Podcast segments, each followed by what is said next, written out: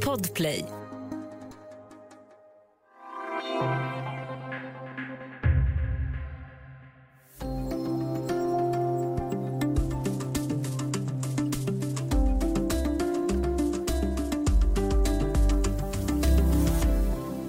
För många är loven också läsningens tid. I Studio DN idag ser vi tillbaka på årets utgivning. Vi plockar russinen ur kakan och dyker ner i några titlar. Vad säger böckerna om tiden vi lever i? Välkommen! Jag heter Sanna Thorén Björling.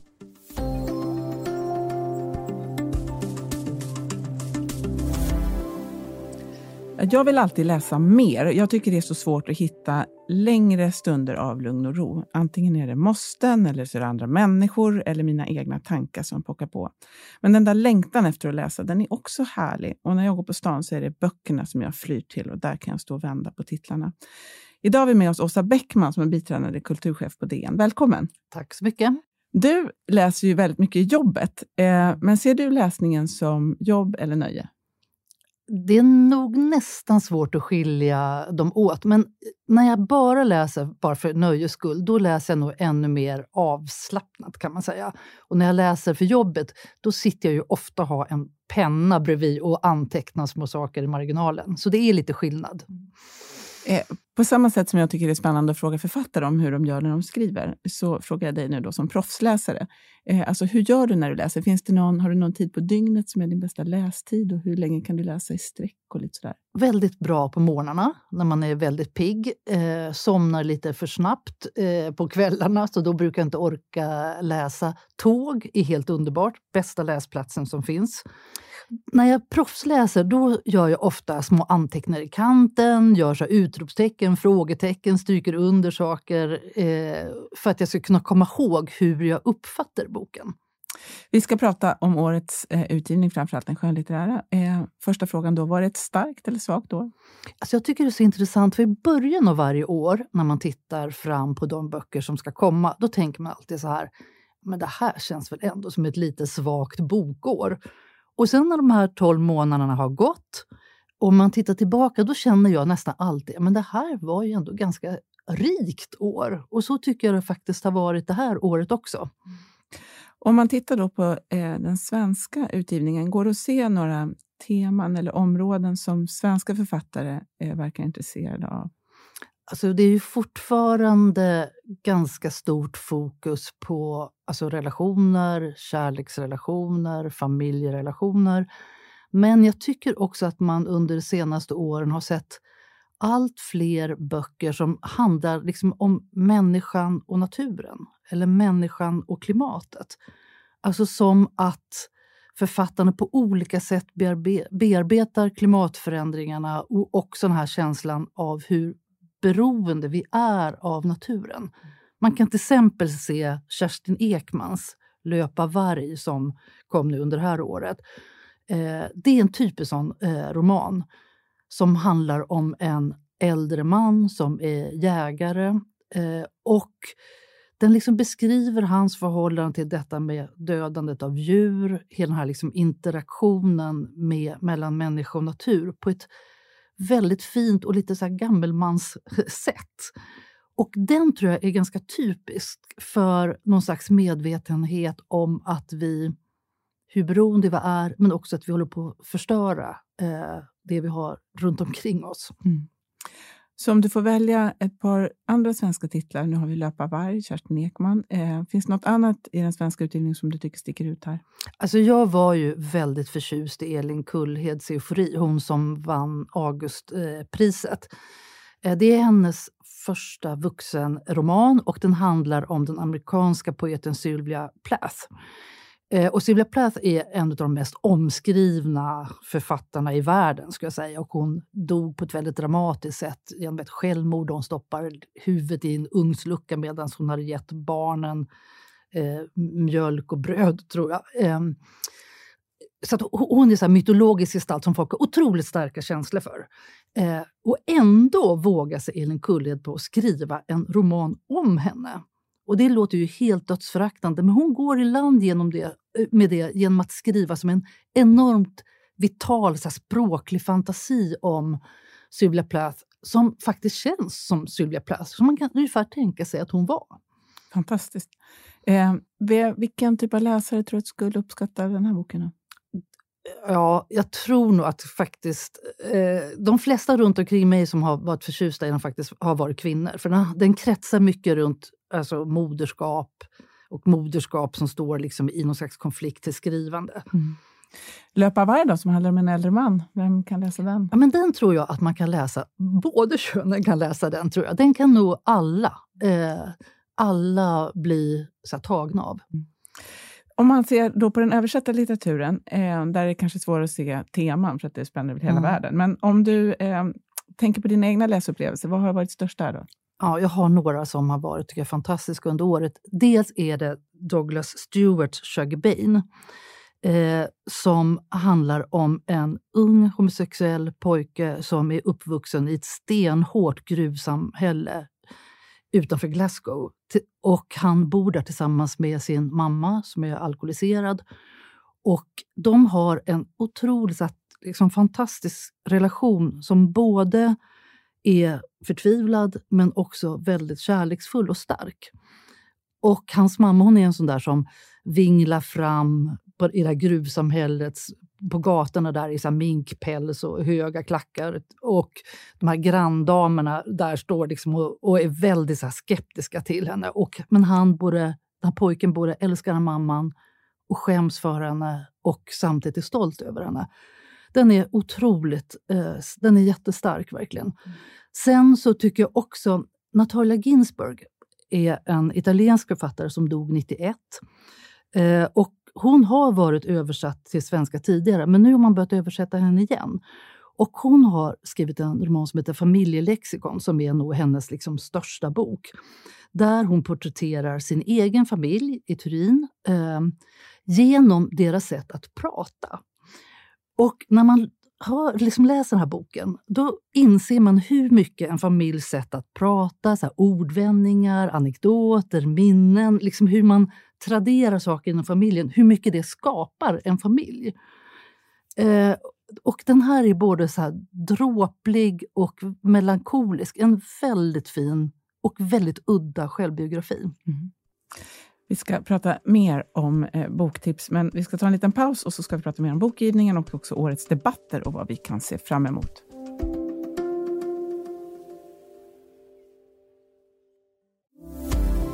Studio DN idag. Vi har med oss DNs biträdande kulturchef Åsa Bäckman. Vi pratar om årets böcker. Du, alltså, en del författare de har verkligen förmågan att med sitt språk skapa helt egna världar som man liksom sugs in i. Ehm, det kan vara en rytm eller någon meningsbyggnad eller det blir som ett flöde eller någon ton. Ehm, du har ju varit inne lite grann på det när du har beskrivit de här böckerna hittills. Men eh, vilka författare eller verk tycker du sticker ut här om du ser på det året som har gått? Ja, men då så skulle jag då säga Elin Kulled igen, som verkligen är så extremt eh, liksom dynamisk och jättevital språkligt. Sen så måste jag också säga eh, Karl Ove Knausgårds Morgonstjärnan, den eh, som kom i våras. Den har också något sånt där härligt flöde. Alltså där beskriver han, man följer några personer i och runt Bergen kan man säga. Eh, där man följer några olika personer eh, som delvis vävs ihop. Och det känns som att det här utspelar sig, det är sent på jorden. Naturen, här kommer naturen tillbaka, börjar bete sig undligt. Krabborna börjar gå upp på land. Alltså det är någonting som är fel. Och i alla de här berättelserna, det som är gemensamt med för dem, det är att ovanf ovanför det som händer i dem så strålar en väldigt, väldigt stark stjärna. Och det här känns som så här ödesmättat, lite magiskt och oroande. Och den här boken fångar så himla starkt, tycker jag, en känsla som man har inför världen idag, att vi står inför något sorts hot. Och han skriver fram det med han har ju ett väldigt flödande språk. Eh, så att den, den, är, ja, den har den där språkliga vitaliteten.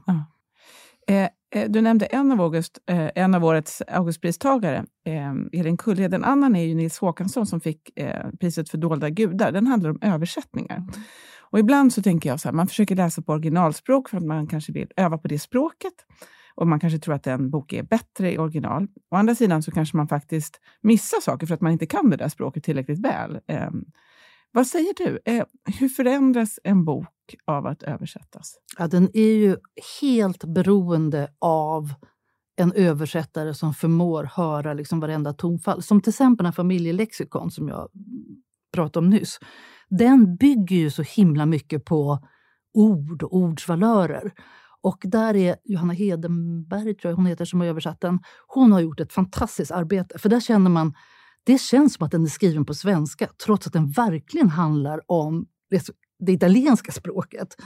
Så den hade nog varit helt förstörd om den inte hade haft en sån skicklig mm. översättare. Makalös prestation. Absolut. Vi ska ge några fler tips eh, alldeles strax, men eh, vi ska prata lite om debatter också. Du brukar eh, vara bra på att dra igång debatter om litteratur. Förra året hade vi ju eh, ett exempel i hur, debatten om hur bra Lydia Sandgrens eh, samlade verk egentligen var. I år har ju debatten om kritiken delvis rullat vidare eh, och en del saknar fler debatter om sakfrågor och andra tycker att kritiken absolut ska få mycket utrymme. Mm. Eh, du har skrivit lite om att vara medberoende till en skrivande familjemedlem. Det har fått, fick mycket starka reaktioner. Det finns också andra eh, debatter. Om du ser tillbaka på debattåret 2021, vad, hur tycker du att det året har alltså en, en, en sak som verkligen tog fart i, på försommaren, det var när Kristina Sandberg, eh, som skrev den Maj-trilogin, hon skrev en bok som heter En ensam plats som handlade om hennes liksom, cancerbehandling. Vad det gjorde med henne och vad det gjorde med relationer till hennes familj. Jag skrev om den här, här i, i DN och tyckte att den var otroligt stark utan att någonsin bli liksom sentimental eller för känslomässig, utan ganska sträv bok. Eh, och i Expressen så skrev Linda Skugge och skrev en otroligt så här, elak, ganska arrogant eh, recension av den. Och Det ledde till en diskussion om kritiken och fick man skriva så här elakt? Och framför allt fick man skriva så här elakt om en person som är cancersjuk? Jag tyckte den debatten var väldigt konstig för att jag tyckte inte att det, och så, ja, jag tyckte inte att det här handlade om om hon var elak eller inte utan jag tyckte att det var otroligt slafsig recension. Så låg nivå får det inte vara på kritiken. Mm.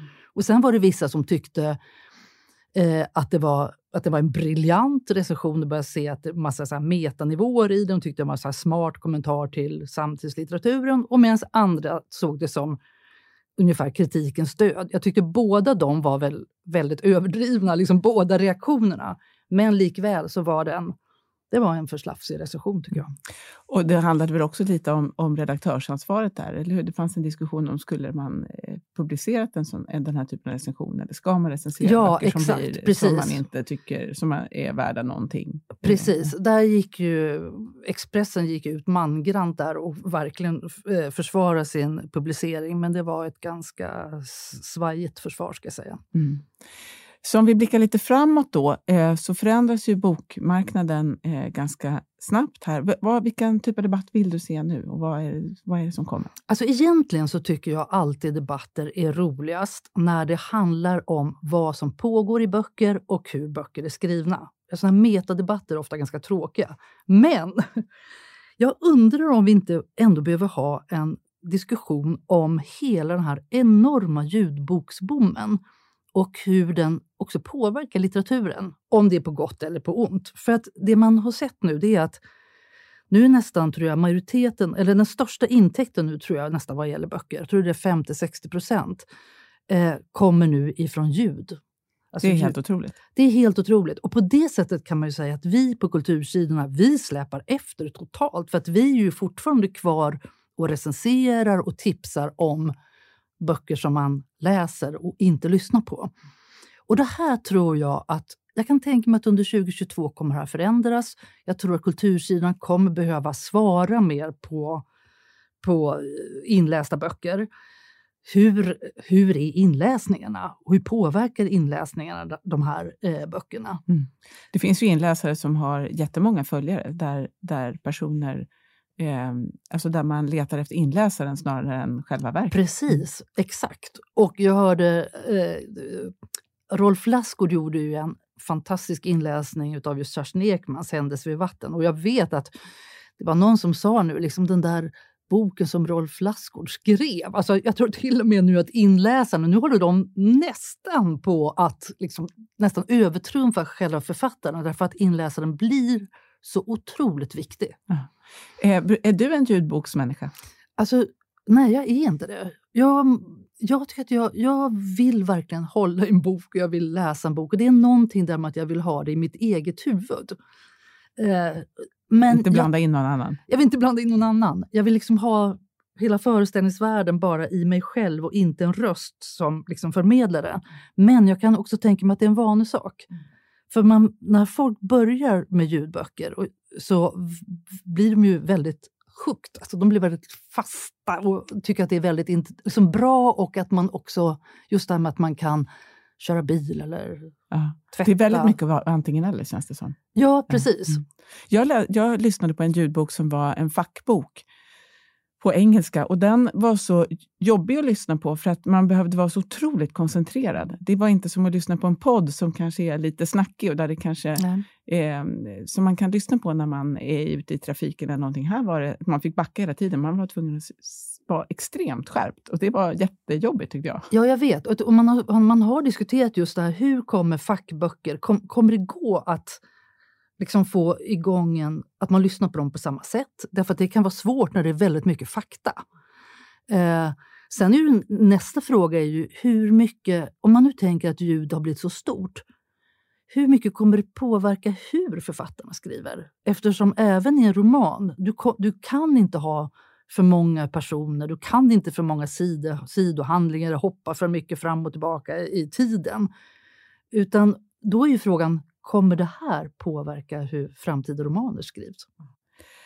Det blir jättespännande att följa. Eh, innan vi slutar så ska vi ge några fler tips här. Om du eh, tänker dig någon, en tonåring som kanske läser hyfsat mycket, eh, vad ska man kunna ge till en tonåring eller eh, tipsa en tonåring om? Alltså om man är lite yngre tonåring, då vet jag att både eh, Sara Berg Mark Elvgren och Mats Strandberg som skrev Cirkelböckerna. De har kommit med varsin, varsina böcker som jag tror är eh, bra för yngre tonåringar. Grim heter Sara Bergmark Elvgrens och Mats Strandbergs heter Konferensen. Om man är lite äldre, då tror jag faktiskt att man kan sätta Diamant Salios bok Tills alla dör, faktiskt på lite äldre tonåringar.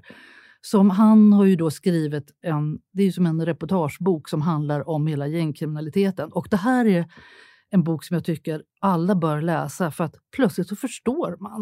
Mm. Hur, hur kom det sig att vi fick sånt problem med det här just i Sverige? Vad, vad, vad var det egentligen som hände? Och att det känns som att han, man får en helt ny karta som gör att man också läser nyheterna om det här på ett helt annorlunda sätt. Stor folkbildarinsats. Och vi vill ju att unga människor ska läsa nyheter. Ja, precis. Det vill vi ha på Ja, det vill vi. Eh, om man då eh, tänker sig att man har en vuxen person som kanske längtar efter ett lite större projekt, att nu vill jag gå in i en läsupplevelse, vad, vad, kan, man, vad kan man ta då? Ja, då ska jag faktiskt drämma till med ett riktigt stort projekt. Och då tycker jag att Marcel Proust, På spaning efter den tid som flytt, som är en av världslitteraturens stora eh, romansviter, det är hundra år sedan han dog. Eh, nästa år. Jag tror det kommer att vara jättemycket firande. Jag gjorde så, gjorde så faktiskt att jag läste de här eh, romanerna en varje sommar och gick i mål för några år sedan. Och Det är faktiskt en av de största läsupplevelser jag har haft. Han är så här, den, är, den är jäkligt trög vissa perioder, men de, de perioderna i den som är bra och det är väldigt många, alltså det är som en hel värld som man aldrig kan lämna när man en gång har läst den. Så om man ska verkligen liksom ha ett långt projekt, då ska man läsa Marcel Proust. Kliva in i någonting. Ja. ja. Underbart. Eh, om man då eh, riktar sig till en person som kanske alltid brukar välja historiska böcker biografier. Det där är ofta män. Jag vet, jag jobbade i bokhandel för en gång för massa år sedan och det var oftast var det män som eh, tyckte att det skulle ha hänt på riktigt då. Mm. Eh, om man ska ge något skönlitterärt till en sån person?